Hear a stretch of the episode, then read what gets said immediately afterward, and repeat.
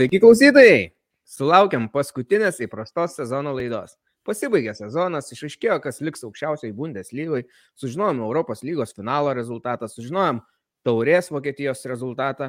Viskas, visi klausimai išspręsti turbūt, ar ne ryti? Labas ryti. Labas, labas, taip tikrai svarbiausi klausimai aukščiausiame lygmenyje išspręsti. Dabar dar yra trečias, pavyzdžiui, divizionas, kur dar aiškinasi, kas pakils į antrą, bet mes jau taip giliai nekapstydavom, tai turbūt ir šiandien nekapstysim, tai galim tikrai rezumuoti viską, kas yra svarbiausia. Kad užsiminiai, galim tiesiog paminėti, kad šiandien antradienį vakare bus antrosios varžybos žaidžiamos dėl patekimo į antrą lygą, tai ten žaidžia Kaiserslautern su Dresdeno Dinamo. Ir pirmos varžybos 0-0 baigęs, tai dar niekas nėra ten aišku. Šiaip Kaiserslautern yra tokia legendinė Vokietijoje komanda, e, praeitie labai stipri buvo, paskutiniais metais jau ilgą laikotarpį yra nusilpusi, Tai jiems tas pakilimas būtų visai, visai toks galbūt netgi žingsnis link naujo etapo, geresnio etapo. O Dinamo, Dresdeno Dinamo komanda, jinai atstovauja tam rytų Vokietijos blokui, sakykime, kur yra daug mažiau gerų Bundeslygos komandų. Tai toks irgi būtų galbūt savotiškas praradimas antrai Bundeslygai. Na, bet nesvarbu, mes netos, kaip sakėjai, susirinkom apkalbėti, yra įdomesnių ir svarbesnių dalykų. Tai šiandien pradėsim, atsakysim kelius klausimus, kurie tinka pradžiai, tada eisim prie keletos naujienų, nes pakankamai anksti e, aktyviai prasidėjo pirkiniai Bundeslygos klubuose, daug trenerių atleidimų, tai čia tokių klausimėlių paspręsim, e, tada aptarsim e, paskutinį turą Bundeslygos, Europos lygos finalą, Vokietijos taurės finalą ir Hertos pereinamasias varžybas, kurias jiems pavyko laimėti ir jie išsaugojo savo vietą aukščiausiai Bundeslygoje. Tai pradėkim gal nuo tokių klausimų. Tomas mūsų klausė, kaip yra, kad e, su Barcelona, kad jinai dar praeitais metais, atrodo, buvo e, deficite finansiniam, trūko pinigų, prarado ir Lionelį Mesį savo geriausią ir legendiškiausią turbūt žaidėją per visą istoriją. Ir dabar vėl jie švaistosi tais pinigais, gali įsigyti, atrodo, Robertą Lewandowski, Kaip, kaip veikia ta sistema, tu vis tiek esi pakankamai gerai turbūt susipažinęs su Barcelonos klubu, su Ispanijos lyga. Tai kaip jie taip gali daryti, kodėl jiems tai yra leidžiama ir ar jie taip neblogina savo finansinės situacijos?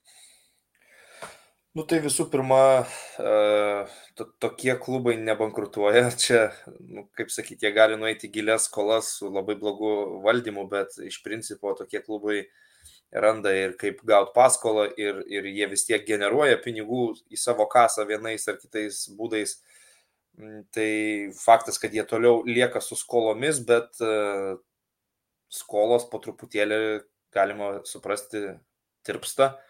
E, šių, šie finansiniai metai, sakykime, pas juos finansinėse knygose jau nebus tokie blogi, kaip buvo tie visi, kai, nežinau, pirko Grismaną, Kaučinio, Dembelė, visus, visus ką tik galėjo. Uh, ir ėjo gilin, gilin, gilin į minusą ir ėjo visų pirma dėl labai išsipūtusios algų visos e, sistemos viduje. Dabar, sakykime, kaip jie gali leisti pinigus, nu, tai yra ganėtinai paprasta, jie labai sėkmingai atsilaisvino daug pinigų e, algų biudžete, vien jau tai, kad jie Filipą Kaučinio pagaliau sugebėjo parduoti, leidžia jam iš esmės tą vietą užsipildyti kitų žaidėjų, tarkim, kad ir Robertų Lewandowski. Jeigu mes žiūrėsim į vasarą, kai jie prarado Mesi, tai jie visiškai nebuvo pajėgus kažką pirkti ir, ir, ir išleisti pinigų. Jie tada ieškojo, kur padėti Grismaną, kur padėti dar vieną, kitą, trečią žaidėjus, vien tam, kad pasipildytų nu, visiškai jau tokiais, sakykime, pasirašymais kaip Adama Traore nuoma, ar Dani Alvesas ateina iš vis be atlyginimo už dyką pažaisti, jiems pavyko Ferraną Torres nusipirkti ir, ir Obameyangą. Tai tikrai nėra taip, kad jie išsitaškė pinigais, jie iš principo kiek išsilaisvino pinigų, nusimesdami kontraktus, kur, kuriuos turėjo, tiek sugebėjo ir išleisti, bet tuo pačiu pas juos tikrai labai daug jaunimo žaidė šiame sezone. O jeigu jie, tarkim, Lewandowski pirks, nu tai iš esmės už Kaučinio pinigus. Kaučinio buvo, kai mes išėjo didžiausia alga klube likusi. Tai jie mhm. dabar tos algos atsikratė ir dar net sugebėjo 20 milijonų išpirką kažkaip tai išsiprašyti iš Aston Villos. O jei mes kalbame apie bankrotus, nu tai tokie klubai įima paskolas, bankinės paskolas, jeigu Barsas šalia visų šitų reikalų dar sugeba ir stadiono rekonstrukciją užsiminėti ir, ir krepšinio areną naują statytis, tai nu, turbūt, kad tas klubas e, nemirs.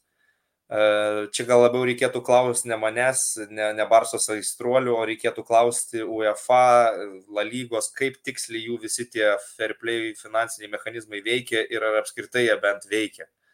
O, o kad Barcelona per porą metų atsistos ant kojų, tai manau čia akivaizdus dalykas.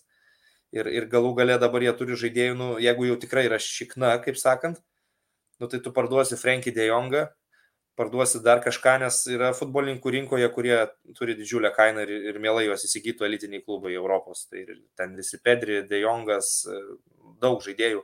Galų gale Usmano Dembelė kontraktas irgi baigėsi ir panašu, kad jo neliks.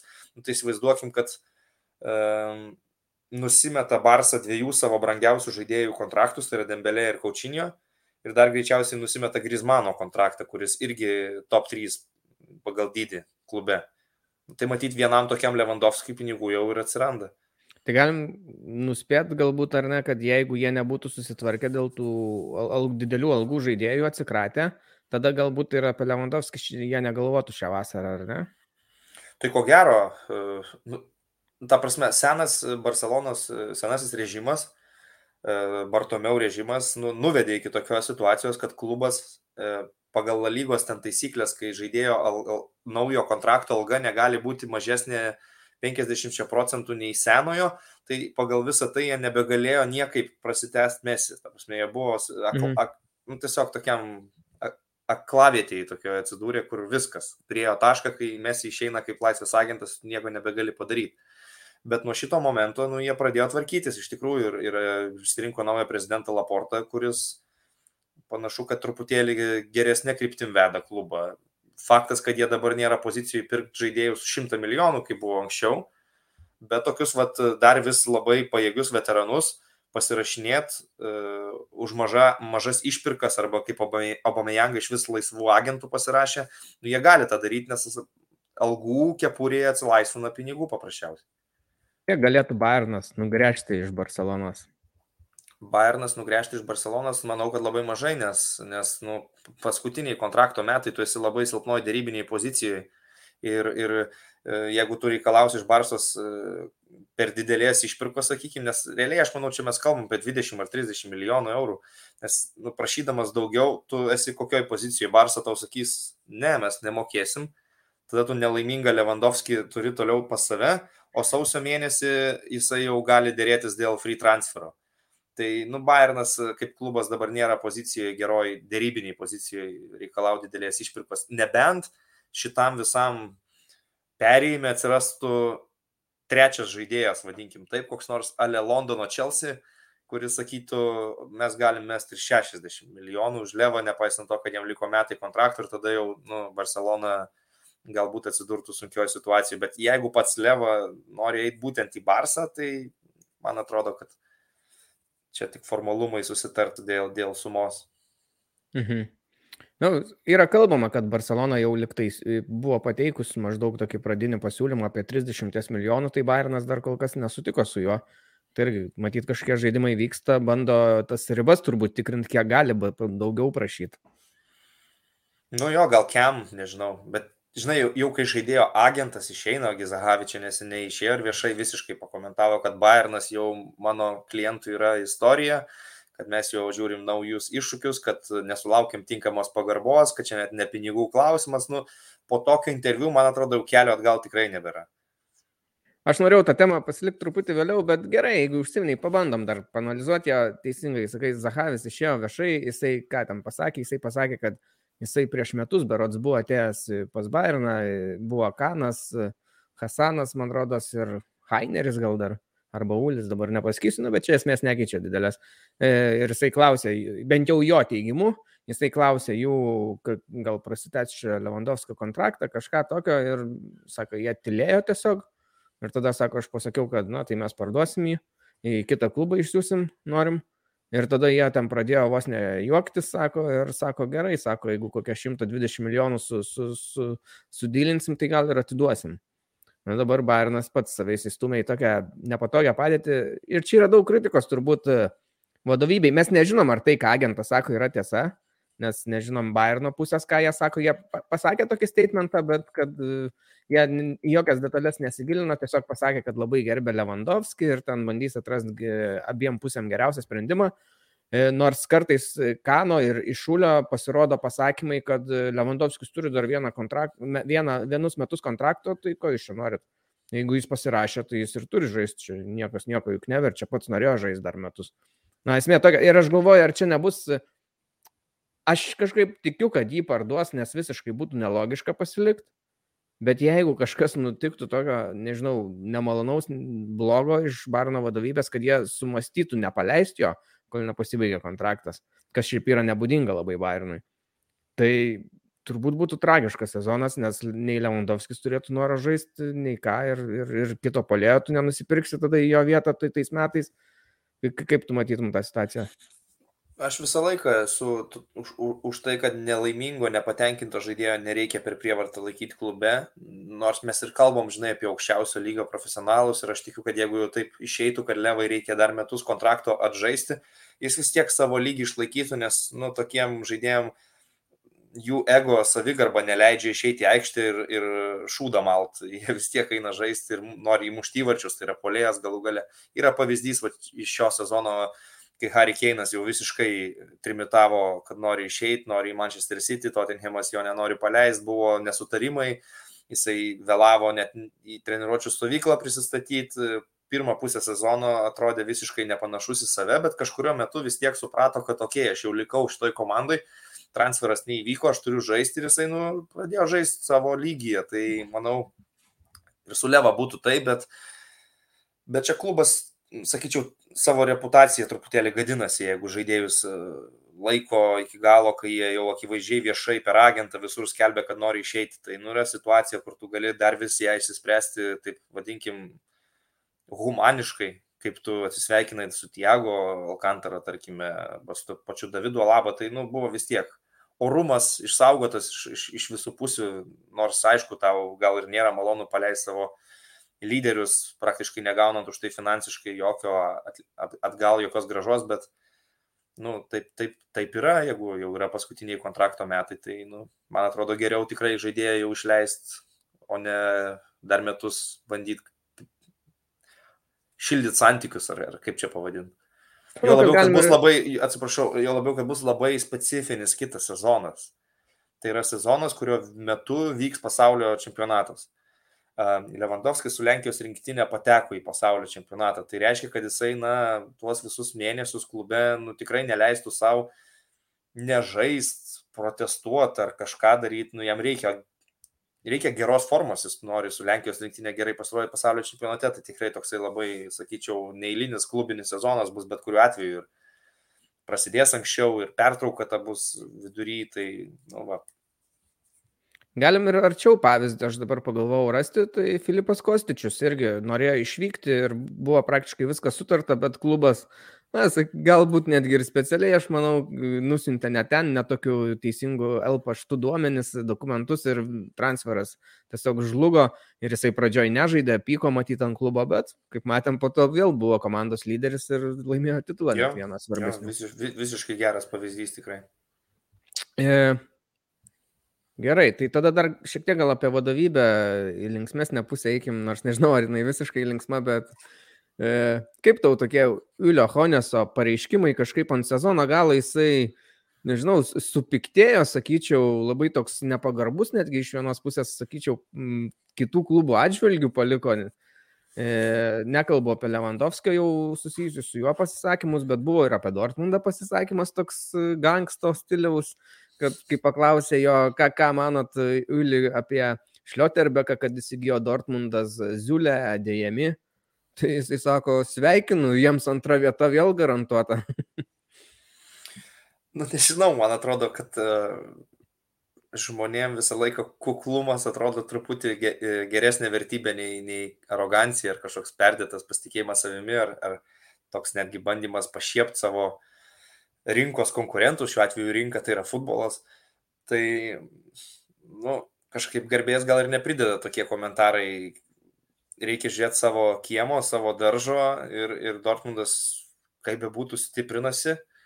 ir jie yra tavo varžovas ir, nu, jokių nėra garantijų, tu, okay, laimi dešimt titulų išėlės, nu, kažkada tu pra, paslys ir turėsi pripažinti pralaimėjimą ir, tarkim, į kitą sezoną žiūrint, kol kas dar daug kas neaišku dėl Bayerno pirkinių ir naujokų, bet sakyti drąsiai, kad kitą sezoną Bayernas ramiai laimės Bundesliga, aš tikrai ne, nesiryščiau dabar.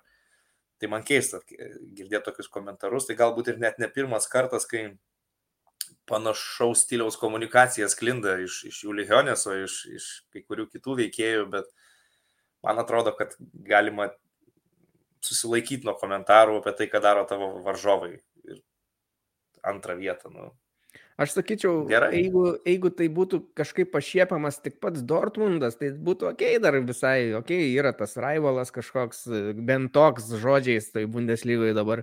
Bet aš netgi sakyčiau, žvelgčiau tuose žodžiuose šiek tiek ir žaidėjams nuvertinimą, kurie atvyksta, nes reiškia, Ulis laiko juos tokiais, kurie gali papildyti, na ir pakeltą komandą vis tiek ne aukščiau antros vietos. Hm. jie ale tokio lygio, sakykime. Nu, nežinau, man atrodo, kad Ziulė, kai už Bayerną žaidė, buvo visai geras žaidėjas, tai turbūt dabar į Dortmundą pereidamas prastesnių žaidėjų vien dėl to netampa, kad, kad eina į kitą klubą, tai, na, čia kaip tik gal kažkokia užslėpta nuoskauda iš Ulihioneso, kad e, antra Bundeslygos komanda sugeba persiviliot pirmos komandos žaidėją, kuris, nu, šiaip jau buvo vienas pagrindinių vidurio gynėjų jau ne, ne vieną sezoną. Tai Julius užsirovė ne tik ant Dortmundo, užsirovė ant dar vienos komandos ir užsirovė ant žurnalistų vėl. Prieš kokius 2-3 metus, kai Kovačas buvo, buvo ant žurnalistų panašiai užsirovęs, kai apkaltino juos e, skleidžiant melus visokiausius ir sakė, nebeileisi Bayerno treniruotės į konferencijas, tų žurnalistų, kurie jam nebepatinka. Tai dabar vėl panašiai pareiškia, kad sako, kai tik žurnalistai pradės meluoti apie Hasaną, kad čia jisai blogas, kažko nedaro ir mums nepatinka galbūt, tai sako, vėl reiks jų turbūt į Zabiną ir Strasę neįleisti.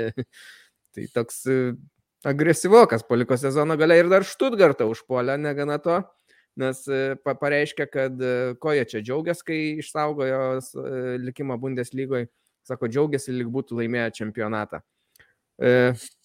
Bet Štutgarto vadovai neliko pėsti, tai atšovė Julihonesui, kad, na, sako, Bairnas e, laimi, kaip ten pasakė, sako, laimėjo dešimtą išėlės čempionatą Bundeslygos, bet atrodo, jog džiaugiasi, lyg būtų laimėję tik dešimtą vietą. Mhm. nu, visai taikliai atsikirto, reikia pripažinti.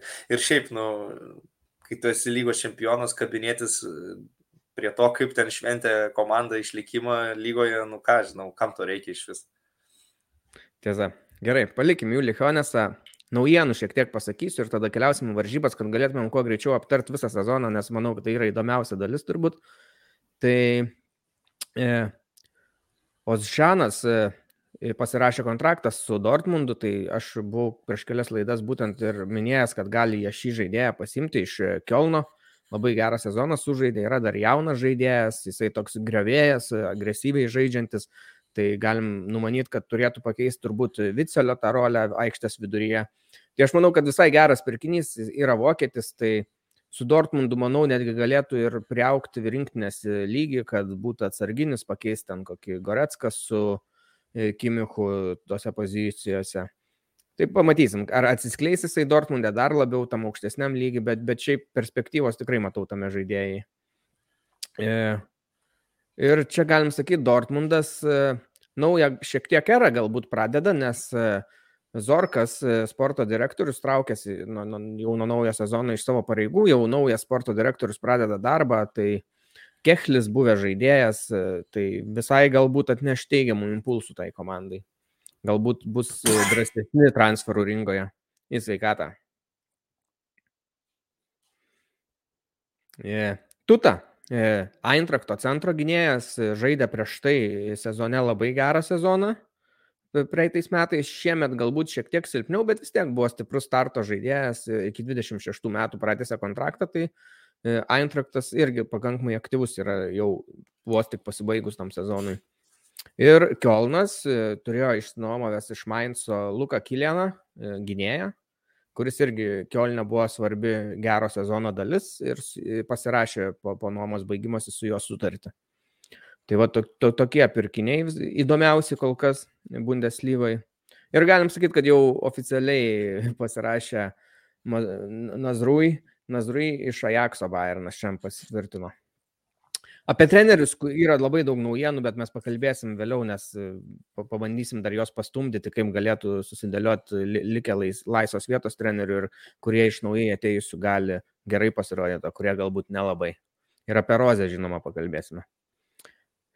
Tai paskutinis Bundeslygos turas e, buvo situacija tokia, kad Štutgartas žaidė su Kielnu ir Štutgartui reikėjo būtinai laimėti, kad nežaistų pereinamųjų varžybų, o Hertha žaidė su Dortmundu ir e, Štutgartui reikėjo, kad Hertha negautų nei vieno taško.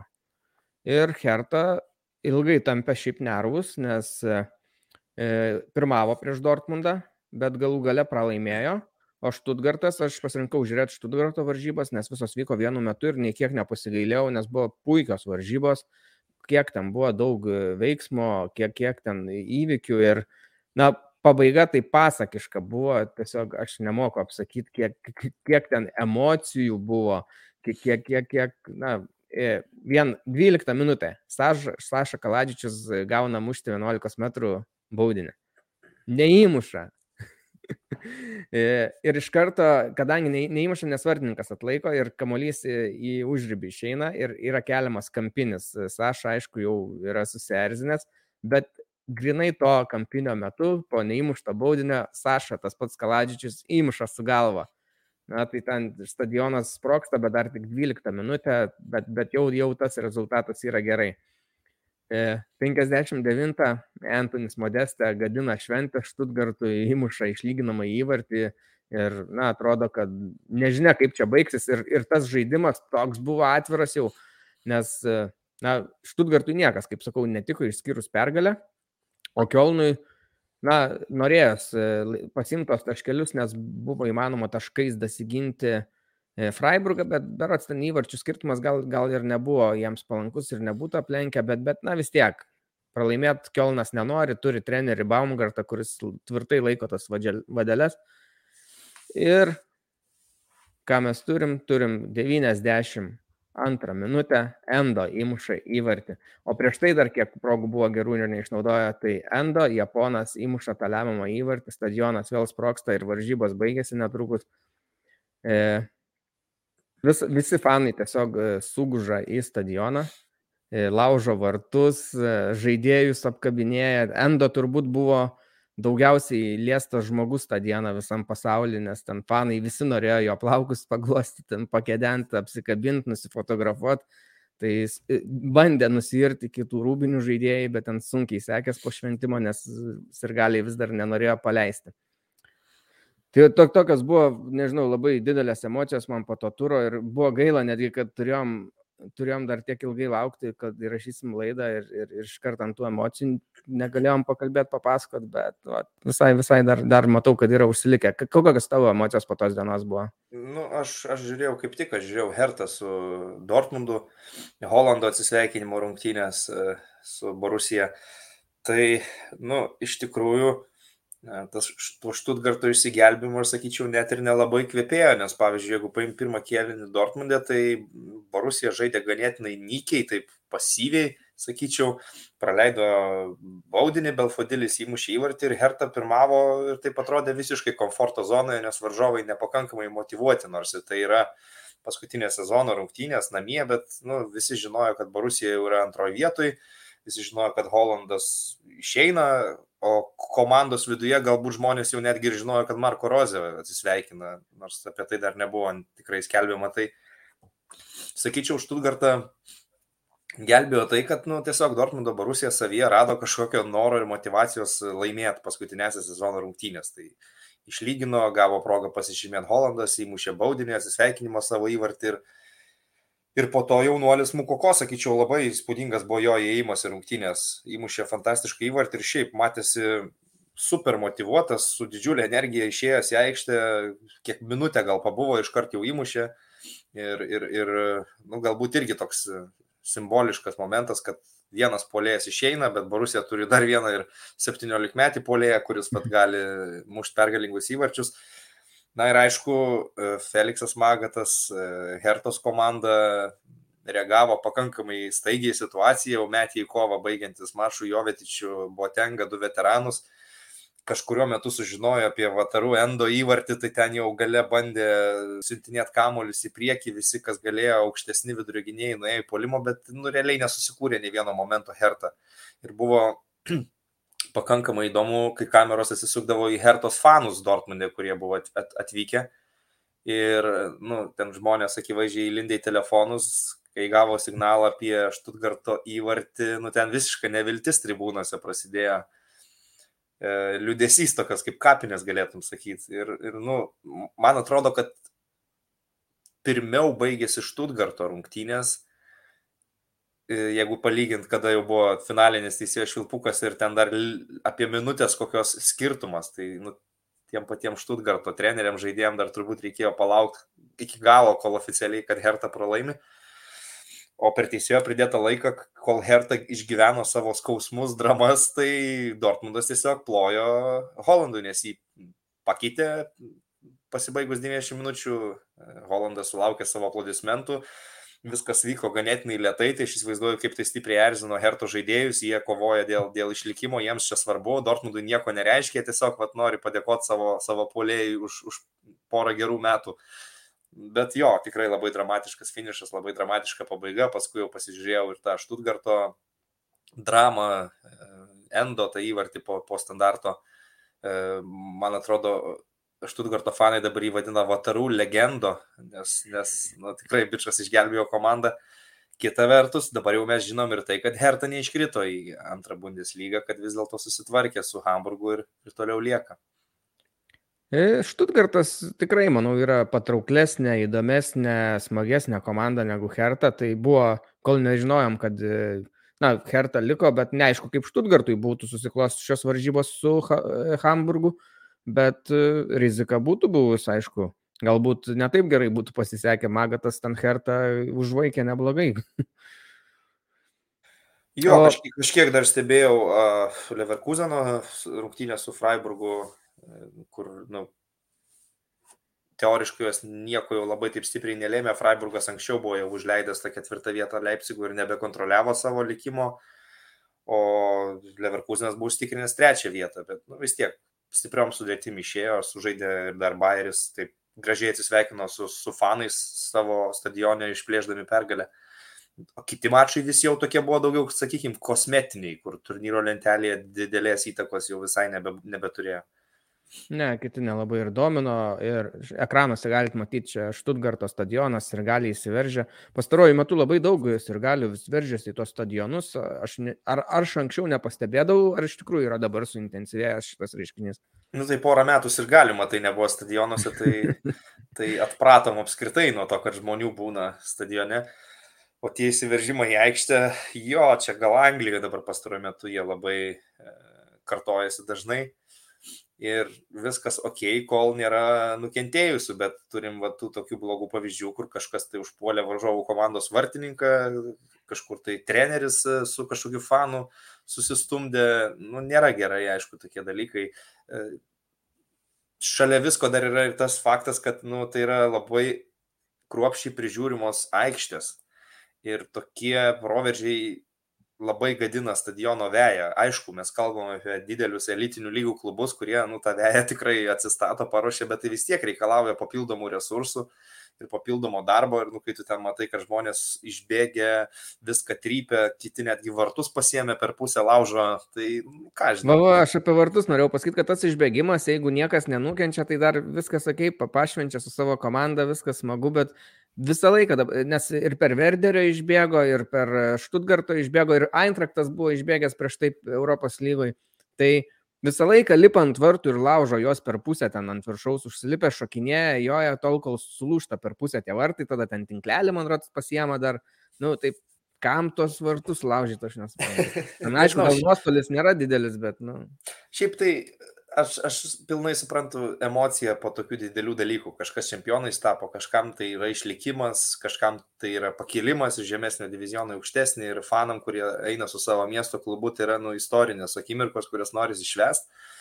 Bet kita vertus, ypač kol dar yra ir žaidėjai aikštėje. Tu ir nenorėdamas to minioji kažką gali suspaus, kažką gali sužalot, apsauga tada turi pasiemę tos žaidėjus vos netemti iš, iš, iš viso to šurmulio. Nu, yra galimybė po visko išeiti į miesto aikštės, šves, laistytis, kiek tik tai nori, džiaugtis, dalintis tom akimirkom. Nežinau, galima kažkaip turbūt kompromisą surasti tarp viso to, nes tokie šturmai aikščių, nu, nu nėra gerai iš esmės. O tu apsaugos tiek nepastatysi, kad tokį minę sukontroliuotum. Nu, čia nesinorigi niekas, kad ten prasidėtų riaušės tarp, tarp policijos ir fanų dėl tokių paprastų dalykų, kur atrodo viskas gana pozityvu, o vad baigėsi kažkaip tai neigiamai.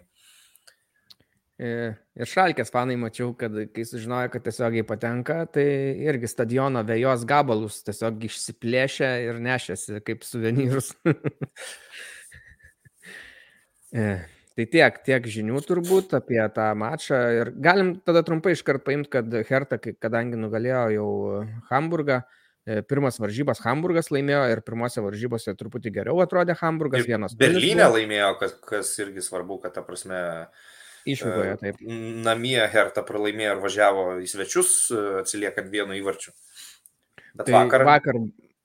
Taip.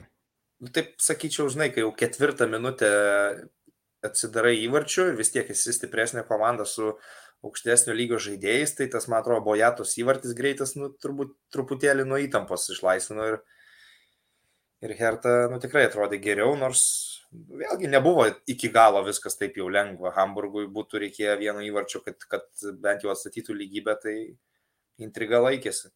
Gynėjai sumušė antrose varžybose abu du Hertos įvarčius. Tai, kaip sakau, pirmas varžybas Hamburgas laimėjo 1-0, o antras pralaimėjo 2-0 Tai Hertha lieka e, aukščiausiai lygoje. Platenhartas antrą įvartį mušė ir šiaip įdomu, žinai, tai, kad e, Hertha vis tik pasirinko taktiką net ir e, su antros lygos komanda, kad jie labiau žais antrų numerių, jie labiau žais tokį kontratakuojantį futbolą ir Hamburgui daugiau atidavė kamulio kontrolę. Nes tai, kad ten Hamburgas turėjo virš 60 procentų kamulio, aš nemanau, kad yra todėl, jog jie geresnius žaidėjus turi. Tai tiesiog Hertha matyti ir treneris, matydamas savo komandą per visus šitos kelius mėnesius, kiek Magatas buvo, suprato, kad trūkumai komandos yra pernelyg akivaizdus ir mums yra paprasčiau tiesiog, kai varžovai turi kamolį, o mes, o mes ieškom greitų atakų. E, įdomus buvo šitos varžybos dar ir dėl to, nes treneris Magatas yra treniravęs, e, žaidęs Hamburgė yra, e, Kevinas Princas buvo tengas, toks atėjus Magatui savotiškas netgi Hertos lyderių patapo, įkvėpėjų, moralinių, rūbiniai. Tai irgi yra žaidęs Hamburgė savo vienus geresnių metų. Tai, na, to, to, to, tokie tarp praeities ir dabarties buvo sviravimai. Magatas sako, na, nu, man labai gaila, sako, bet mano uždavinys yra sužlugdyti, nu nesužlugdyti, bet nugalėti ir neleisti patekti aukščiausią lygą komandai, kurią aš labai myliu. E, kalbant apie Magatą, tu kaip manai, šiaip jisai e, taip neaiškiai atsakė, kad nusišypsojo, ar, ar ką, ką žada, ar treniruoti dar kitai, kitą sezoną kažką, sako, dabar apie tai negalvoju, noriu važiuoti namelį savo kokį sodą, paskaldyti malkas, o po to pažiūrėsim. Tai paliko intrigos, bet Herta turbūt ieškosis kito trenerio, aš manau. Nu, aš manau, nes nu, vis dėlto tokie išsitraukimai pensinio amžiaus strategų, nu, tai laikinai galbūt komandą išgelbėti, stabilizuoti gal ir ok, bet nu, apie kokią galima ilgalaikę strategiją kalbėti su treneriu, kuris, nu, ko gero jau nebesitikėjo apskritai grįžti šitą lygį. Jis paskutinį kartą treniravo prieš šešis metus, man atrodo, Kinijoje klubo ir po to viskas, daugiau niekur nedirbo. Tai akivaizdu, kad čia buvo toks desperacijos skambutis. E, Feliksai, ateik mus išgelbėk, bet aš e, labai nustebęs būčiau, jeigu čia prasidėtų kalbos apie kažkokį tolimesnį bendradarbiavimą. Tikrai reikia uh, ieškoti naujo trenerio su nauja vizija, bandyti kažką kurti, kad, nu, nežinau, šitam klubui jau daugybę metų tiesiog trūksta elementariai krypties, kurie jie nori eiti. Nes pas juos pastovus mėtymasis, keičiasi žmonės, pavardės, nu, nežinau. Dabar išvengė kulko, sakykim, taip, neiškrito į antrą Bundeslygą, gauna galimybę pradėti nuo pradžių viską. Tai turi pasiskirti naują trenerį, jo labiau, kad dabar rinkoje visokiausių ten variantų bus. E, matai kažką galbūt iš žinomesnių vardų, nes aš vieną variantą turiu. Nežinau, man atrodo, iš tokių artimiausių, kurie yra po ranka ir, ir pastarieji metai gan sunkus buvo, pavyzdžiui, Florianui Kofeltui, bet jis anksčiau su Bremeno Verderiu yra tikrai gerą darbą daręs. Wolfsburgė galbūt jam buvo sudėtinga, bet tai irgi vienas iš tokių jaunesnių vokiečių trenerių, manau, kad galėtų Hertą svarstyti jo kandidatūrą. Tai vienas iš variantų, jeigu nežiūrint, tarkim, į užsienį, į, į trenerius iš kitų šalių. Aš tai manyčiau, kad Adi Hateris galėtų būti variantas, nes vis tiek Fredis Bobičius galbūt yra išlikę kažkokie teigiami draugiški mhm. ryšiai iš. Eintrakto laikų, tai visai galbūt būtų. Šiaip netgi Kovačas maniau, kad galėtų būti, nes jisai yra ir Hertui žaidęs anksčiau, pats kaip buvo žaidėjas, ir irgi iš Eintrakto laikų su Bobičiu palaiko gal ryšius, bet jau e, Kovačas žinom, kad keliauja į kitą klubą irgi dar pakalbėsim. Nu jo. Tai ką, gerai, einam į Europos lygos finalą. Galbūt ten susitiko Frankfurto Eintraktas prieš Glasgow Rangerius. Geros varžybos iki pat pabaigos. Gavom intrigos, gavom pratesimą, gavom 11 metrų, metrų baudinius. E, bet šiaip Eintraktas, aš sakyčiau, jautėsi didžiąją laiko dalį, kad yra geresnė komanda, jie daugiau kontroliavo tą kamolį, turėjo progų. Aišku, Rangeriai turėjo labai geras kelias progas, kur na, patys kalti, kad neišnaudoja, galėjo pabaigti varžybas ir ilgą laiką netgi pirmavo, bet e, bendrai paėmus tą vaizdą, tai man Eintraktas atrodė, matėsi, kad yra aukštesnio to lygio komanda lyginant su Rangeriais. Ar nesutinki? Nu, ne visai sutikčiau. Aš sakyčiau, kad matėsi kai kuriuose pozicijose aukštesnio lygio žaidėjai ir kokybė, bet jeigu taip įvertint žaidimą, uh, momentus prie varžovo vartų, tai labai, labai gan apylygės rungtynės e, gavosi. Aš taip ir galvojau, kad iš tikrųjų Antraktas yra irgi kontratakų komanda, tai jie norės, kad Rangeriai turėtų kamolį, tegul Van Bronckhorsto komanda ieško sprendimų, kaip jiems iš pozicinių atakų kažką susikurto. Antrakto pagrindiniai ginklai yra Kostičius, Knaufas kraštuose, greitos atakos, greiti perėjimai, daug skersų kamolių baudos aikštelė. Ir, nu, šiaip iš esmės man, va, ir po pirmo kelnio atrodė ganėtinai apylygės rungtynės, tiesą sakant. Tada, bet, aišku. Mhm. Rangeriai truputį daugiau kontroliavo, bet labai nežymiai, o su ne, tai Rangeriai atliko Eintraktas ir kampiniai vien 11 prieš 2, tai Nu, tai kampiniai, kampiniai, tai aišku, nu, kai viena komanda tai per kraštus e, visą savo žaidimą konstruoja. Knaufas. Tai nėra labai keista, kad jie daugiau kėlė. Nu, smūgiai, taip, reikia žiūrėti progas, reikia žiūrėti, ten, tarkim, XG statistika. Tai pratesime geriausią progą vis dėlto Rangers turėjo, kur, nu, trapas ten kažkokiu stebuklingų būdų tiesiog išgelbėjo antraktą nuo įvarčio. Bet jeigu taip visas rungtynės e, paėmus, po pirmo kėlinio tokio jausmo, kad kažkas dominuoja, tikrai man nebuvo antram kelnyje Antreksas atrodė labai stabiliai, bet tada nutiko viena labai grubi klaida. Tas pats vat tuta, kurį tu minėjai, jis tiesiog parkrito ir paleido varžovų polėje Rybo, kuris jau vienas prieš vartininką įmušė. Ir įdomu tai, kad nu, tada iškart įvyko keitimas, ar ne? Iš karto Hasebe išleido. Hasebe. Ir, ir vat man klausimas, ar iš tikrųjų tu tą gavo traumą toje situacijoje, nes, nu, žiūrint, pakartojimus netrodo, kad jis ten būtų koja išsisukęs ar, ar, ar kažką, tai atrodė, kad, kad tiesiog nepasisekė, ar iš tikrųjų jis gavo traumą, ar tiesiog ta klaida taip jau stipriai kirto ir pačiam žaidėjui ir jis gal pats parodė, kad mane reikia pakeisti, nežinau, sunku pasakyti. Bet vėlgi, kas ten geriau žaidžia, kas blogiau žaidžia, netiek svarbu svarbu, kai tu finale lieka pusvalandis pralaimi 0-1. Ir tai yra labai sunku ir finaluose netaip dažnai matom, kad pavyksta išlyginamus įvarčius įmušti atsiliekančiai komandai. Nu ir šiuo atveju vis tiek, vėlgi, ta kokybė. Kostičiaus idealus perdavimas iš kairio krašto, Borė įkerta, kaip ir pridėra polėjai laiku prie artimo virpsto, uždaro, siunčia į vartus. E, aš sakyčiau, kad ir su keitimais labai gerai Glasneris pataikė, nes žaidėjai, kuriuos įsileido po keitimo, Haugė Jekičius pagyvino žaidimą mano akimis. Jekičius Lindstrom... gerai iš toli vis prasmugiuodavo po Jo, ir, ir tas pats Haugė buvo aktyvus. Sakykime, Lindstromas vienas iš tokių lyderių komandų šį sezoną, jis ten išrinktas baros ir geriausių naujo, naujokų Bundeslygos. Nebuvo labai geras finalas iš jo pusės. Bet jisai po traumos ką tik. Tai, tai, tai, nu, tai turbūt yra pateisinamų priežasčių. Vėlgi tas pats, tas pats um, Kamada neišnaudojo progos, kur ten per vartininką permetinėjo kamulį, bet va, tie žaidėjai po keitimo išėję tikrai komandos nesusilpnino, viskas su jais buvo gerai.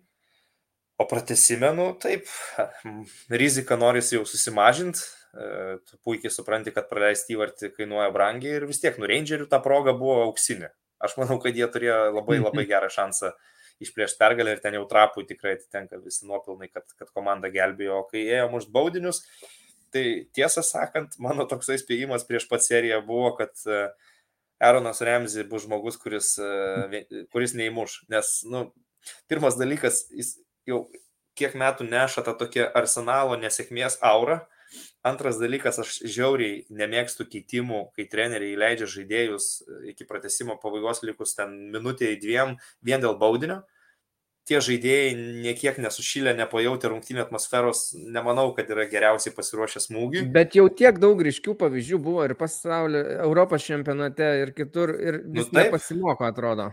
Aišku, kita vertus, okei, okay, treneris Van Bronckhortas du tokius išleido, tai yra Kemara Rūfa ir Remzi, tai Rūfas įmušė Remzi, ne, nu čia gal, gal aš ir per daug kabinėjusi, bet faktas, kad Remzio smūgis buvo prastas, kiti visi žaidėjai, kurie smūgiavo iš abiejų komandų, reikia, reikia pagirti, kad nu, visi voratinklius iš, iš kampų valė ir, ir vartininkam ten daug šansų nebuvo, tiesą sakant. Tai, o Borė galiausiai tapo to didvyriu, kuris jau ir viską, viską pabaigė pabaigė ir jisai tą išlyginamą įvartį mušė. Šiaip dar truputį grįžtant į tas varžybas, tai kai išleido Hasebe 58 minutę, na, 38 metų gynėjas, e, šiaip nėra toks e, jeigu įprastai imtum varžybas, kaip pamatytum startę nuo pradžių į varžybose, na, tokia jau abejonė šiek tiek ir kiltų, ar iš tikrųjų žaidėjas patems, ar tie greičiai tokie patys.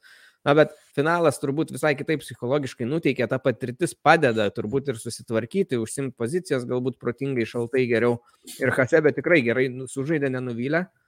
Ja. Ir kas dar turbūt buvo įdomu, tai e, per pratesimą e, Eintrakto treneris išleido ir Lensą, ir Hrustičių. Ir jie abu ėjo pirmi mušti baudinių. Aha. Tai, na, tokie, kaip pasakyti, pirmiems smūgiams ne patys galbūt net patikimiausi, tokie nedažnai matomi pasirinkimai, tai, tai, tai šiek tiek nustebina, bet abu įmušė savo įvarčius. Nu, čia dar viena taktinė dalis, kad vieni treneriai mėgsta, kad jų geriausias žaidėjas eitų mušti pirmas, antras, trečias, pirmam trietukė ar ne, kiti mėgsta savo geriausius pasilikti ant, ant ketvirto, penkto kai geriausias pasilieki ant ketvirto, penkto, rizika yra kaip e, Afrikos finale, kad Mohamedas Salah net neprieina smūgiuoti, jeigu komandos draugai nesumuša. Nu, tai šiuo atveju matom, kad Glasneris Kostičių Borė įrašė ketvirtų, penktų savo geriausius. Man patiko, kad Kostičius buvo ketvirtas labai, nes vis tiek Kostičius yra lyderis didesnis negu Borė, nors čia Borė toks, sakykime, varžybų, tas labiau gal pastebimas, nes įmušė ir varžybose per pagrindinį laiką įvartį, bet Kostičius yra tikrai pagrindinis komandos lyderis ir jisai muša ketvirtas, jisai, jeigu viską gerai padaro, jisai šiek tiek gal net ir nuėma, na, įtampos nuo to penkto, mm. gal kažkiek, aš nežinau. Plius... Ja, pats Kostičius idealiu metu ėjo muštis, ėjo mušti po to, kai Remzi neįmušė. Tai buvo idealus momentas serbui išvest komandą į priekį baudinių serijų ir kitas dalykas, kad Kostičius kairė kojas ir atrodo taip akivaizdu, į kurį kampą jis muš. Ir jeigu tu pažiūrėsi, Magregoras 40 metais vartininkas irgi puikiausiai tą kampą atspėjo bet kamuolys yra užsuktas iki tiek idealiai į tą šoninį tinkliuką, kad spėk nespėjęs tuos kampus, nu, tokio kamulio tu niekaip ne, nepaimsi. Tai va, mm. šiaip dar e, toks linksmesnis gal momentas iš to finalo, ką norėčiau pastebėti, kad Sevilijoje aišku buvo labai labai karšta tą dieną. Uh, Ten netgi, kiek skaičiau, trūko stadione gėrimų, kad žiūrovai galėtų atsigaivinti. Ten greitai labai išpirko visą vandenį, visą alų, visus limonadus ir neliko, neliko ką gerti žmonėm, nes nu, tikrai buvo žiaurus karštis, buvo tos atsigaivinimo pertraukėlės rungtynių metu. Ir e, koks yra karštis labai stipriai atspindėjo stratego Glasnerio pažastys, nes buvo, buvo pasipuošęs tamsiais polo marškinėliais ir kai pakeldavo rankas, nu, tikrai labai matėsi, matėsi e, prakaito dėmesio, kai tuo tarpu varžovų strategas Van Bronkhorstas buvo pasipuošęs tokiu, nusakyčiau, dizainerio pasiūtų kostiumu su kaklaraiščiu. tai va. Ir suvažiavo labai daug fanų į Savyje. Sakoma, kad e, Rangerių šimtas tūkstančių galėjo suvažiuoti, Eintrakto mažiau, bet e, nemažai. Tai, tai ten miestas turėjo sprokti nuo tų fanų, aš nežinau, kur visi sugebėjo apsistoti ir panašiai, bet buvo ir siautėjimų šiaip e, mieste truputį. Nu, aš galvoju, kad Sevil, Sevilijos barmenai, visi, kurie dirba baruose, tai e, po šitos savaitės turėjo pasimti atostogų truputėlį atsigauti, man atrodo, nes ten, ten buvo turbūt, kad viskas užimta, užkimšta, prieš finalą, galų galiau po finalo vieni ateina švęsti, kiti liūdėsi nusiplaut. Turbūt, kad ir, ir pareigūnams gatvėse teko pabudėti viršvalandžius, nu, bet taip, tai būna, kai pasiemi Europinį finalą ir ypač pas tave patenka du klubai su labai didelė fanų baze ir du klubai, kurie nu, dažniausiai dėl tokių titulų net nekovoja, tai čia yra toks istorinis šansas. Ir turim tai, kad Eintrachtas 11 vieta Bundeslygoje žais čempionų lygoje kitą sezoną grupėse. Barmenai turbūt norėtų kokio finalo Hoffenheimas prieš Leipzigą. Nu, variantas, variantas. Bet ir tai, nu, žinai, čia ju, juokas juokais. Ir tokie klubai, ten nekalbėtume apie šimtus tūkstančių ir ten užsakomosius e, papildomus skrydžius, bet, nu, tas pats Leipzigas, sakykime, taurės finale, nu, negali sakyti, kad jie Berlyne ne, ne, neturėjo palaikymo. Čia pri, prieisim. Tai nežinau, gal, ai, reikia dar turbūt paminėti, kad Glazneris yra antrasis tik Austras, kuris laimėjo Europos lygą kaip treneris. 42 e, metai praėjo nuo to, kai buvo paskutinį kartą laimėtas šitas turnyras Eintrakto, tai ilgai lauktas titulas ir suteikė šansą žaisti jiems čempionų lygoje. Ir jie dabar vien iš šito Europos lygos sezono uždirbo berots virš 20 milijonų, 24 gal maždaug. Tai irgi suteikia šiek tiek tos finansinės inspiracijos gerai sužaisti ateinančiam sezone. E, vadovai kalbėjo, kad, na, mums tai padės, bet mes čia nežadam per daug išlaidauti, bet, na, kažką bandysim, bet, bet neklai ir ne, ne, nebelė kaip pasidaryti. Tai e, vien jau tai nežinau, kostičių dar išlaikyti turėtų. Svarbiausias darbas turbūt, ar ne? Nes nežinai, dabar, dabar jau galbūt Romos Lacijo taip nevilioja, kai tu turi galimybę čempionų lygų žaisti su, su Frankfurtu. Bet gali kiti turbūt Italijos klubai, nežinau, koks Interas galbūt, ar, ar, ar nelabai ten. Sunku pasakyti, žinai, Kostičius man dabar yra toks žaidėjas, kur vis, visi klubai Europoje, kurie žaidžia su trim vidurio gynėjais ir kuriem kairys wingbekas yra labai svarbus ten asistuojant, uh, aštrinant atakas, tai visi va, tokie klubai gali svarstyti kostičių, ten koks Milano Interas, paimkime. Jie žaidžia pagal tokią sistemą. Ir ten Ivanas Perišičius toj pozicijoje dažnai statomas, kuris nu, vis dėlto yra jau veteranas, tai visko gali būti. Bet realiai aš galvoju, žaidėjo pusės, kai tu taip nuėjai šitą visą kelią, norėtųsi turbūt dar pabandyti su tą komandą pajudėti ir, ir čempionų lygoje pabandyti jėgas.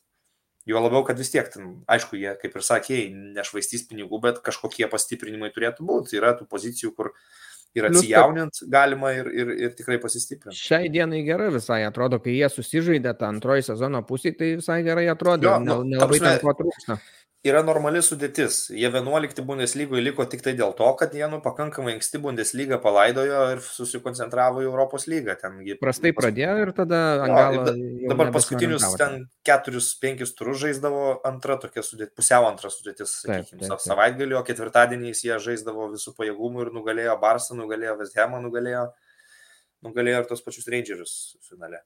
Ir Knaufas jiems labai pravertė, nes nuostabiai atsiskleidė dešiniam krašte, tai e, papildoma dviguba jėga, ne vien tik tai kostičių varžovom reikia kairėje saugot, bet ir dešiniai dabar Knaufas ten siautėjo.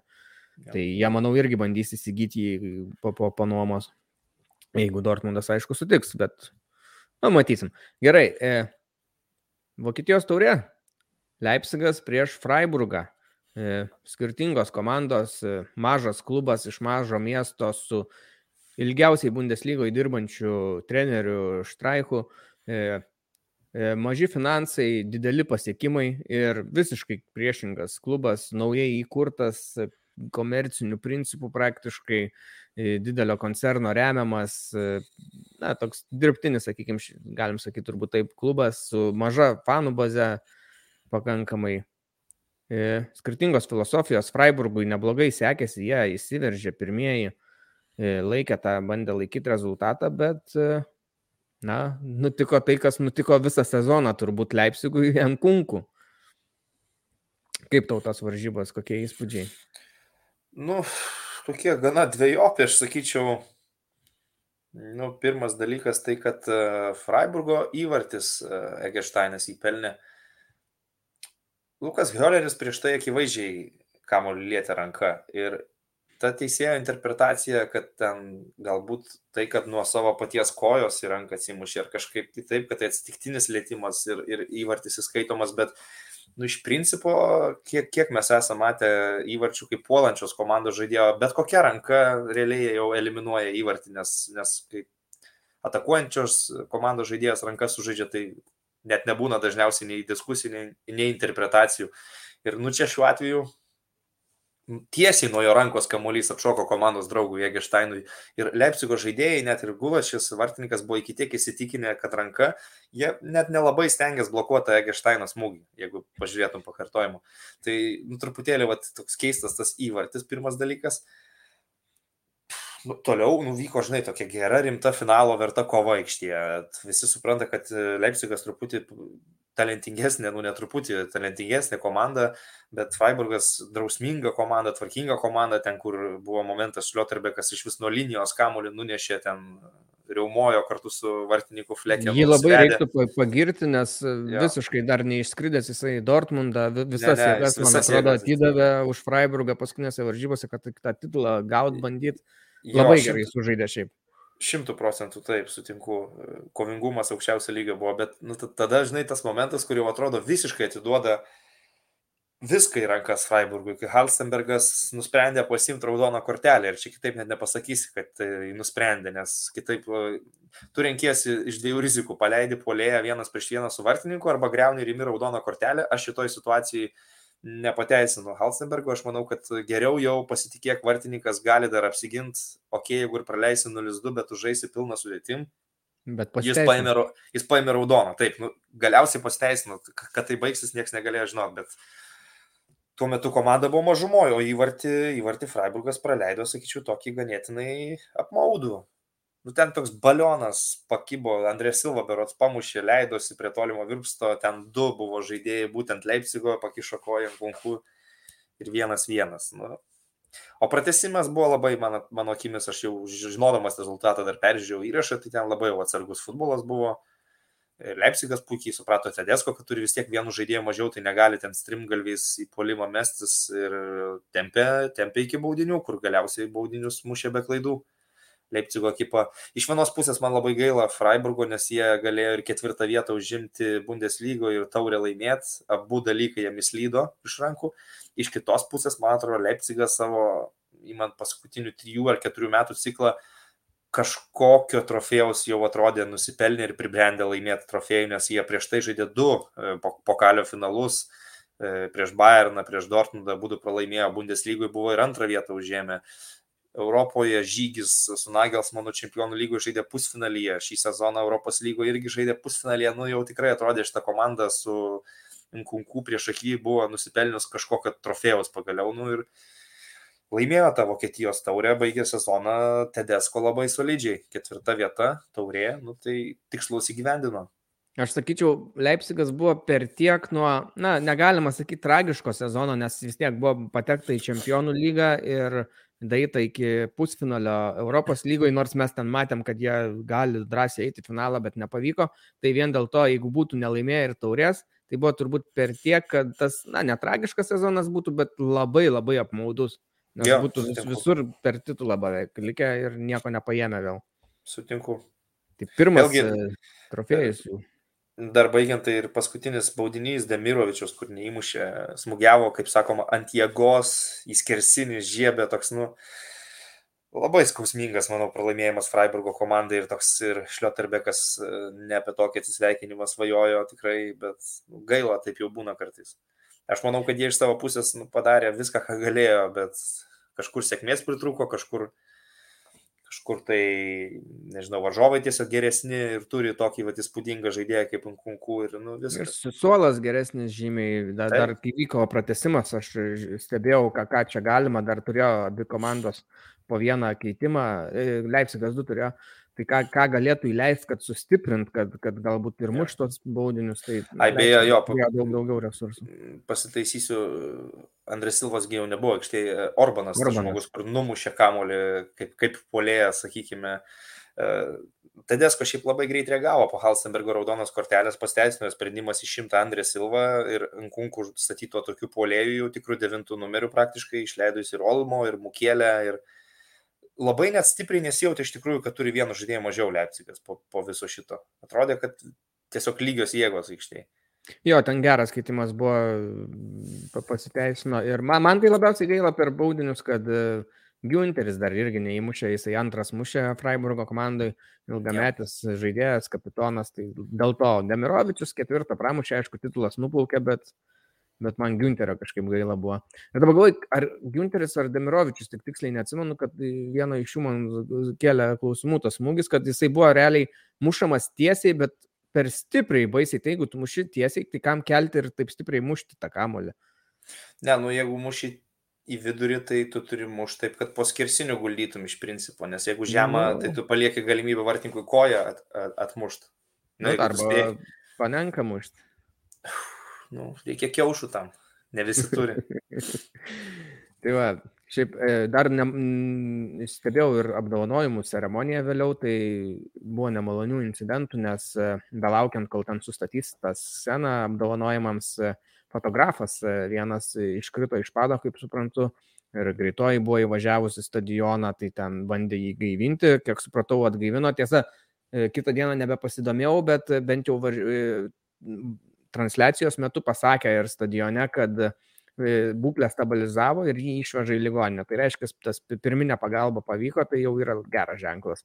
Tai buvo tokios labai nemalonios nuotaikos, kur buvo ir svarstama turbūt, ar bedaryta apdovanojimų ceremonija ir fanai žiaptuvėlius telefonus įjungė, degė, ten taip švieselės kūrė tą, na, buvo, buvo iš tos linksmos nuotaikos pereitai tokia labai liūdna greitai, bet, bet po to viskas, ačiū Dievui, pasitaisė.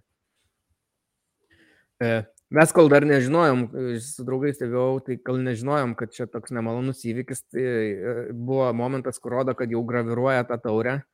Tai jokavom, kodėl čia taip užtruko, sakom, gal graviruotojas, kaip yra buvęs su Lietuvos rytų, netyčia užrašė ne Leipzigo Red Bull. tai va, e, O apie fanus kalbant, tai Freiburgo, kiek tikrai žymiai daugiau matęs, kad fanų, praktiškai visas stadionas Freiburgo fanai raudonavo ten, e, palaikė pagarbą jiems ir pasiliko per tą apdovanojimų ceremoniją Leipzigo. Aišku, ir už antros vietos medalius gauna Freiburgas, bet turbūt netai yra jiems svarbu. E, žaidėjai Freiburgo nuėjo prie jų, ten plojo kartu tą, tą, tą vikingišką daiktą, nežinau kaip ten vadinasi. Ir Leipzigo šiaip fanų, tu sakai, kad visai neblogai palaikymas, bet ten jie tokiam kamputį buvo ir man, kai žiūri į Freiburgą, rodo, kaip jie ten viską pasiruošia, skanduoja, viską palaiko ir Leipzigo, tai ten tokia, a, tiesiog prigeria dėdai ir na, truputį skiriasi dar ta kultūra fanų, man. Ne, tai atrodo, kitaip ir, ne, kitaip ir nebus, bet tiesiog, nu, žinai, nėra taip, kad visiškai tas Leipzigas neturi absoliučiai jokio susidomėjimo iš savo miesto fanų. Nu, yra žmonių, kurie galbūt ne, ne visiškai tokie tradicionalistai, kad ten į futbolą žiūri va, tik tai per tą prizmę, kur čia klubas istorinis, o kur čia klubas komercinis, ne. Tai buvo tas jų palaikymas. Aš, aišku, čia negali lyginti, kad Freiburgo atmosfera buvo visai kita, bet, bet nu, Užpildė, ir komentaras internete. Sa, sa, savo kvotas, kaip suprantu, olimpiniam stadione ir Leipzigas sugebėjo nu, užsipildyti bent jau didžiąją dalį. Uh, buvo, bet buvo, mačiau tokių ir vaikų, ir mergaičių, tai neaišku, kaip ten ką suvežė. tai internete, tai vokiškose puslapiuose gan nemažai nepykantos buvo liejama Leipzigo atžvilgių, ten įvardėjama ir kaip viena juodžiausių dienų vokiškam futbolui ir panašiai. Ir tarp kitko, kai jie iškrito prieš Rangerius Europos lygos pusfinalį, tai irgi ten Vokietijos kitų futbolo klubų fanai, tai ten linkėjimus Rangeriams siuntė ir dėkojo tiesiog, kad jie išmetė Leipzigą. Tai yra nemėgstamas gan stipriai. Tiek turbūt tada galim greitai bandyti apžvelgti, kas ten įdomaus įvyko tai lygoje ir, ir, ir baigti mūsų sezoną. Tai e, Vitalis ausiai įsimintiniausias e, sezono momentas, neskaitant, aišku, Baumgarto kepurėlės. Neskaitant, o kodėl negalima skaityti tokio. Nu, jisai, jisai, čia ne mano sąlyga, čia Vitalio. Nu, tai galbūt ir liekam prie to, kad Endo įvartis, kuris išgelbėjo Štutgartą. Aš taip vieną labai sunku išsirinkti, bet, bet e, Štutgarto tas išsigelbėjimas tikrai vertas e, nominantas ir, E, sakyčiau, netgi antros lygos momentas, kad ir Šalkė, ir Verderis, abi dvi ką tik iškritusios komandos, dideli klubai irgi patenka, tai čia irgi toks didelis įsimintinas momentas lygai. E, net nežinau, Freiburgo tas žygis iki taurės finalo ir, ir kova iki pat galo dėl čempionų lygos didelis momentas. E, Eintrakto žygis Europos lygoje. Aišku, mes čia truputį iš Bundes lygos e, sričių aš tada išeinu, bet, na, kalbam apie Bundes lygos klubus, tai truputį leidžiu savo tai. Tai turbūt tokie, kažko dabar taip staigiai ryškesnio net neatsimenu aikštėje, kad būtų įvykę bent jau. E, turim dar tada klausimų apie Rozės žaidimą, tarkim, e, Rozė yra atleistas, po sezono atleistas, e, buvo netikėta žaidėjim, Brandas sakė, kad, sako, man visiškai netikėta, sako, man visai patiko, nes e, prie jo jisai visai ir atsiskleidė neblogai, antrą sezono pusę gerai žaidė, aštuonis rezultatyvius perdavimus atliko Brandas, atli, įmušė ir įvarčių, ten dabar nepasakysiu, bet panašiai, man atrodo, kaip ir asistų, tai gal devynis ar aštuonis. E, geras sezonas jam buvo, jam patiko, bet Rozė atleistas, sakoma, po pokalbio su vadovais kažkokių. Kaip tu manai apskritai, ar yra gerai, kad jį atleido, ar ne? Nu, aš manau, kad ne. Nu, tai, tai vis tiek tai buvo treneris, kurio labai norėjo, kurį jie persiviliojo iš esmės iš Menchengladbacho, Borusijos. Kai jie atleido Favrą, jų pirmas taikinys iškart buvo Rozė, pavyko susitart ir tada Terzičių pasiskyrė laikinų trenerių pabaigti sezoną. Terzičius baigė tikrai labai solidžiai su taurė, bet jau po pirmų metų Rozė yra atleidžiamas. Ir aš galvoju, čia ne tiek dėl rezultatų, nes rezultatai ok, tu esi antroji vietoje, taurių turnyrai gal nesusiklosti gerai, ypač kalbant apie Europą, bet labiau galbūt kažkokie ir vidiniai nesutarimai su tuo pačiu Vatskė, galbūt ir su Zameriu, nežinau. Ir nu, komanda visą sezoną atrodo labai nesubalansuota, labai chaotiška, daug betvarkės, tarp gynybos ir polimo balanso visiškai jokio 52 praleisti įvarčiai ir, ir nu, tą pakompensuoja tik tai Holandas, Roisas, Brantas, visi tie lyderiai, kurie traukia pergalės, bet tokio aiškaus, konkretaus žaidimo braižo iš jų, sakyčiau, nesimatė. Bet aš nekaltinčiau vien Rozės dėl to, daug traumų, labai dažnai žaidėjai ne savo pozicijose, daug reikėjo eksperimentuoti su taktinėmis schemomis vien jau dėl tų traumų, o dabar tu pradedi pasirašinėti žaidėjus į tas pozicijas, kur labiausiai reikia, bet šitam treneriui jau nesuteikia galimybės pasibadyti e, su geresnė sudėtim, sakykime. Tai manau, kad tai yra vis tiek kažkokie vidiniai nesustarimai tarp trenerio, tarp vadovų, gal ir pats Rozė kažkokių ultimatumų kėlė, sunku pasakyti. Ir jie vėl grįžta prie to paties Terzičiaus, kuris darbavosi dabar jau techninio direktoriaus pareigose. Man tai netikėta, aišku, labai buvo, kai tas naujienas paskelbė. Nu, bet man atrodo, treneris yra pakankamai geras, pakankamai gerą reputaciją išlaikęs nuo savo metų Gladbachė ir darbą tikrai susiras normalų darbą per artimiausius metus. E, aš sakyčiau, irgi neigiamai vertinu, nors man asmeniškai Rozė yra pervertintas, lyginant tą hypą, kurį buvo sukėlęs, kai ėjo iš Gladbacho, kad čia į Dortmundą, kad čia vienas geriausių jaunųjų Vokietijos trenerių. Na, sakyčiau, dar galbūt per mažai kažką įrodęs, kad taip vadinti jį. E, potencialo yra, bet, bet dar, dar to hypo aš tai nejaučiau. Bet sakyčiau, klaida dėl to, nes, na vis tiek, imant tokį jauną ir, sakykime, turinti potencialą trenerį, tu jį turbūt turėtum žiūrėti kaip į ilgalaikį projektą ir nebūtinai jis tau turi ateiti pirmą sezoną ir jau padaryti viską taip puikiai, žinant tas e, situacijas dėl žaidėjų, kad yra daug traumų ir panašiai sezono metu ten Emredžianas turi žaisti gynybai, kas yra visiška nesąmonė. Na tai aš manau, kad reikėjo jam duoti antrą sezoną. Ir tas pakeitimas Terzičium yra blogas e, ne dėl to, kad Terzičius yra blogas, bet jisai visą laiką yra šalia klubo, jis dirba techniniu direktoriumi. Jisai, jeigu matysis, kad antram sezone kažkas nes, nevyksta, nesiseka, tu visada gali pakeisti jį šalia to stovinčių terzičių. Čia ne, nebus kažkokios bėdos, aš manau. Tam po čempionų lygos pirmo to rato, jeigu matai, kad kažkas nevyksta, ar, ar, ar Bundeslygos pradžia yra prasta, gali pa, pa, pakeisti ir tas terzičius, būdamas šalia komandos ir jau ją prieš tai truputį treniravęs, jisai, na, nebus kaip visiškai naujai paimtas žmogus, jisai jau tą komandą vis tiek truputį pažįsta. Suprasčiau, kad būtų buvęs kažkoks labai laisvas ir geras, viliojantis kito trenerio pasirinkimas dabar ir būtų, na, nepatenkinti rozę ir bandytų jį pasimti ir pasimtų. Bet dabar taip, na, sakyčiau, silpnokai sužaista.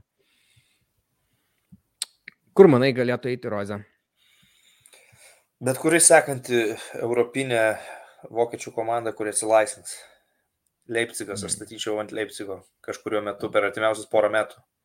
A, nu, porą I... metų tai dar visai normaliai, nes norėjau klausti, ar, ne, tai pasitikė Dominiko Tedesko. Tai, bet aš nežinau, bet jeigu reikėtų spėti, kad Tedesko gali neišsilaikyti, gali būti sunkus sunku sezonas šis ar sekantis, e, nu, tapsime, artėjantis arba dar kitas. Ir, ir Rozė, kadangi jau yra dirbęs galų galę toj pačioje Red Bullio sistemoje Salzburgė, manau, kad būtų ten jų pirmas kandidatas bet ir visi kiti vokiški klubai, kurie žaidžia Europoje, Leverkuseno, Bayeris, koks nors pavyzdžiui, visko gali būti. Manau, kad jisai užsirekomendavęs, nepaisant to, kad šitas sezonas buvo toks keistas. O ar galėtum trumpai e, kažkokius kelius pagrindinius skirtumus išskirti, stebėdama šį sezoną, kuriuos pastebėjai, e, kuom skiriasi Rozės treniruojamas Dortmundas nuo Rozės treniruojamo Gladbacho? Jo, galėčiau. Pagrindinis skirtumas yra tas, kas, kad Gladbacho rungtynėms artėjant, tu galėjai užsimerkę surašyti startinį vienuoliktuką su pozicijom, kas kur žaidžia. O čia prieš kiekvieną turą būdavo vis naujos traumos ir visokie Wolfai išsitraukti žaisti dešinių wingbackų, tai fullbackų, tai su keturiais gynėjais, tai su trim centriniais, tai Emredžianas nuleidinėjamas. Čia turbūt yra esminis skirtumas. Treneris turi savo idėjų kažkokių, bet jeigu tu neturi instrumentų, tai kaip tu tas idėjas e, parodysi, netgi galų galėtų vis tiek ateidamas dirbti, intriguoja tave galimybė prisiliesti prie būsimos superžvaigždės Erlingo Holando. Pažiūrėkim, kiek rungtynių tas pats Holandas praleido šį sezoną ir nežaidė dėl traumų. Tai nu, mhm. nu, sunku buvo pilną potencialą parodyti ir čia ir turbūt yra esminis skirtumas, kad Gladbachė viskas buvo labai aišku ir konkretu, O čia tai to konkretumo ir, ir, ir nepasimatė. Vėlgi su Gladbachu, po to, kai jis buvo paskelbta, kad pereina po sezono, irgi tam pabaiga nebuvo labai labai gera. Galbūt jau. Bet, bet Gladbachui ta, tai tęsiasi ir visą šitą nu, sezoną. Ten tai... jau gal atmosfera tiesiog buvo tokia prisikaupus neigiama. Tai čia mes realiai grįžom prie to pačio, kad treneris turbūt gavo per mažai laiko, neatsižvelgiant į tai, kad komanda pati turėjo daug problemų su žaidėjų sveikatą. Jis, įvykdė, įvykdė minimumą. Dortmundas yra antroje vietoje ir žais čempionų lygoje. Tai yra, nu, manau, kad nenusipelnė atleidimo, bet atleidimas ne dėl rezultatų, aš taip sakyčiau.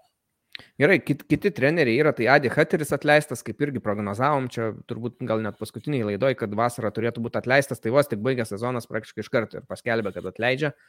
E, manau, ras irgi. Nors baigė, baigė dar, dar visai taip pusę velnio, sugebėjo bent iki dešimtos vietos užkilti.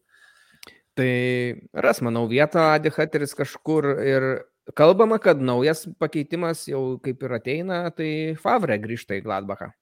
Ka, mhm. kaip tu žiūri, geras įėjimas iš Gladbacho pusės? Nu, senas, geras, patyręs, laiko patikrintas specialistas.